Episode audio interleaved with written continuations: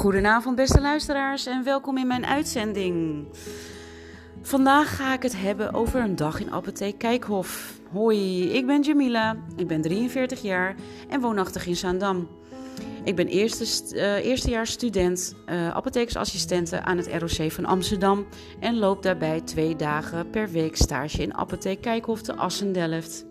In deze podcast neem ik jullie graag mee en vertel ik jullie graag over mijn opgedane werkervaring in een korte tijd van vier dagen en geef ik voorlichting over de apotheek, de doelgroep, zijn patiënten, um, over cultuur, diversiteit en discriminatie. Apotheek Kijkhof zit gevestigd midden in het winkelcentrum van Zaandelft. Deze wijk staat bekend als een witte wijk van economische groeiende ondernemersklasse. Dit kun je terugzien aan de winkelende mensen, aan de bewoners en natuurlijk ook aan de patiënten die dagelijks bezoek brengen in de apotheek. Apotheek Kijkhof vervult een nuttige rol in de samenleving en is onmisbaar in deze wijk en binnen haar gemeenschap erg betekenisvol. Apotheek Kijkhof staat bekend om zijn dienstverlening en trouwe service aan zijn patiënten.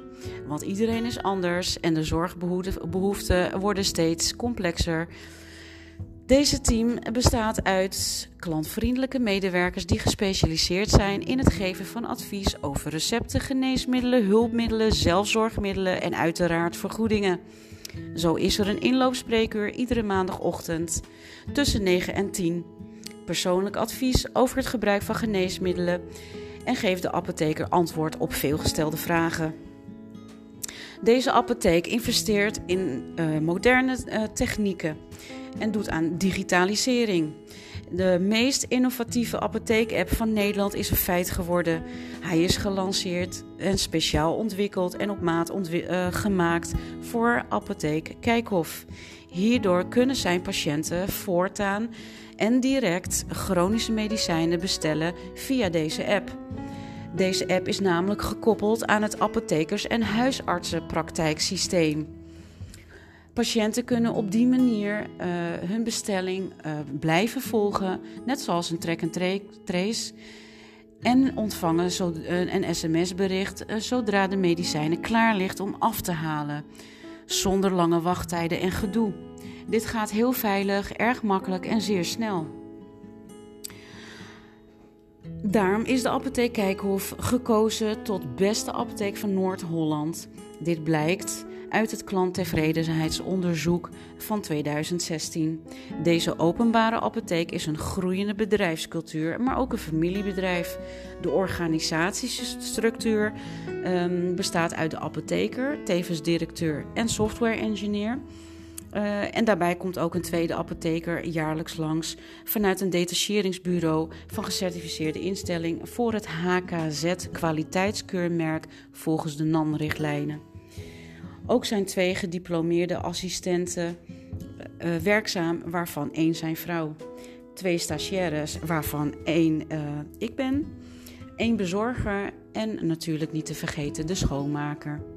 Wat deze apotheek ook bijzonder maakt, is dat apotheek Kijkhof de eerste apotheek van Nederland is dat halal medicijnen op de markt aanbiedt waarbij rekening wordt gehouden met diverse doelgroepen. Denk hierbij bijvoorbeeld aan mensen met een religieuze achtergrond, mensen met een allergie of vegetarische mensen of mensen die gewoon geïnteresseerd zijn in halal medicijnen. Halal medicijnen die zijn alleen op aanvraag verkrijgbaar en heeft een beperkt assortiment. En ze zijn vrij van dierlijke ingrediënten en vrij van alcohol. Apotheek Kijkhof is ook landelijk actief. Dat houdt in dat patiënten die ingeschreven staan bij Apotheek Kijkhof, eh, dat het niet uitmaakt in welke woonplaats zij wonen, zolang ze maar in Nederland zijn, eh, dat ze overal in Nederland uh, hun medicijnen kunnen bestellen en ook uh, afgeleverd kunnen krijgen. Dus dat maakt het ook wel best wel bijzonder. Um, verder is. Um, ja, zijn mijn werkzaamheden binnen de apotheek bestaat uit voornamelijk uh, het uitvullen van medicijnen, uh, stickeren daarvan, het etikeren, uh, plakken, scannen en het klaarmaken van recepten en geneesmiddelen. Elke nieuwe stagedag leer en mag ik weer wat meer. Ehm, dit maakt het afwisselend en dit varieert ook het werk en de taken. Als stagiair werk je in teamverband, maar ook zelfstandig. De eerste dag kreeg ik een rondleiding en uitleg bij werkzaamheden dat ik mocht doen. Ik vond het erg spannend en stond te popelen om te beginnen. Ik kreeg een schort en deze trok ik aan. Ik voelde me direct een apothekersassistente. Nou, en daar ging ik dan. Allereerst controleerde ik de koelkasten. Vervolgens had ik 15 tot 20 kisten uit te vullen met geneesmiddelen. Deze legde ik op de werktafel en sorteerde ik op het recept. Recepten worden in kleur aangegeven. Recepten in gele hoesjes geeft dan bijvoorbeeld aan dat het bestemd is voor de bezorger. Recepten in een blauw hoesje geeft aan eh, dat de geneesmiddelen klaarstaan in de koelkast. Recepten in een groen hoesje zijn bestemd voor eerste uitgifte. Er is weer een, een extra begeleiding voor nodig aan de balie. Recepten in een rood hoesje zijn bestemd voor afleveren. Daarna plak ik de rugetiketten met belangrijke informatie op de achterkant van het recept. Dit is namelijk nodig voor de apotheker aan het einde van de dag. Uh, dit verzamelt namelijk belangrijke informatie en signaleringen rondom het recept. Aan het einde van de dag worden de recepten in bundels ingescand in het systeem. Deze moeten namelijk 10 tot 15 jaar bewaard worden. De doelgroep zijn over het algemeen divers. De meeste patiënten zijn van de leeftijdscategorie 32 tot en met 72. Je hebt ook uh, jongeren, wat kinderen, wat baby's, maar die zijn wel in de minderheid. En gelukkig ook maar, want dat zegt iets over de gezondheid. Um, de hardlopers uh, of meest gangbare geneesmiddelen zijn maagtabletten, maagbeschermers. En ook kun je aan de hoeveelheid uh, aan soorten geneesmiddelen merken dat vele patiënten lijden aan hart- en vaataandoeningen, schildklierdiabetes of hoge bloeddruk. En aan de gemiddelde leeftijd van patiënten merk je aan de geneesmiddelen.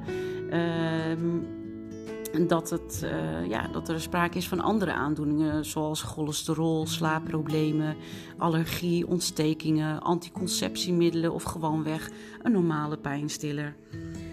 90% van de patiënten of uh, cliënten zijn Nederlanders met een westerse achtergrond.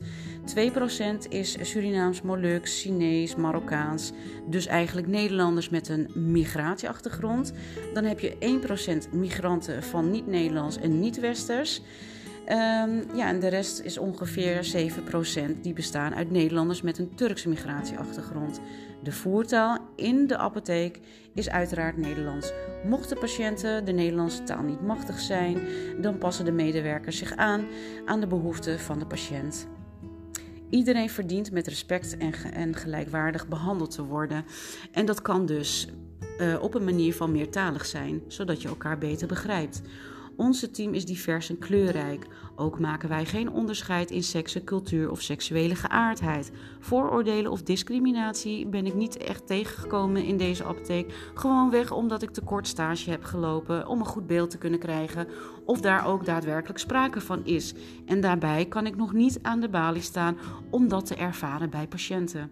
Wat ik wel weet is dat een ieder welkom is.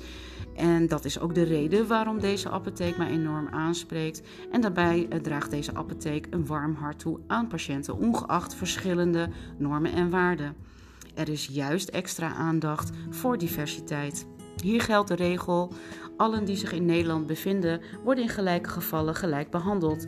Discriminatie wegens godsdienst, levensovertuiging, politieke gezindheid, ras, geslacht of op welke grond dan ook is niet toegestaan. Denk aan artikel 1. Tot slot rond ik deze podcast af. Het maken van deze podcast vond ik erg uitdagend, maar ook vernieuwend tegelijkertijd. Maar ook te vroeg in deze periode van het schooljaar. Uh, het voelde voor mij bijna een onmogelijke taak deze podcast te maken, gewoon weg omdat ik te kort tijd heb gehad. Ja, en niet voldoende inzichten heb kunnen opdoen uh, ja, in vier dagen voor deze opdracht. Uh, de volgende keer zal ik het toch anders doen. Zoals ja, wat gevarieerder. Mijn podcast bijvoorbeeld voorzien van betere in elkaar gemaakte editie. En in gesprek gaan met bijvoorbeeld een patiënt of medewerker van de apotheek.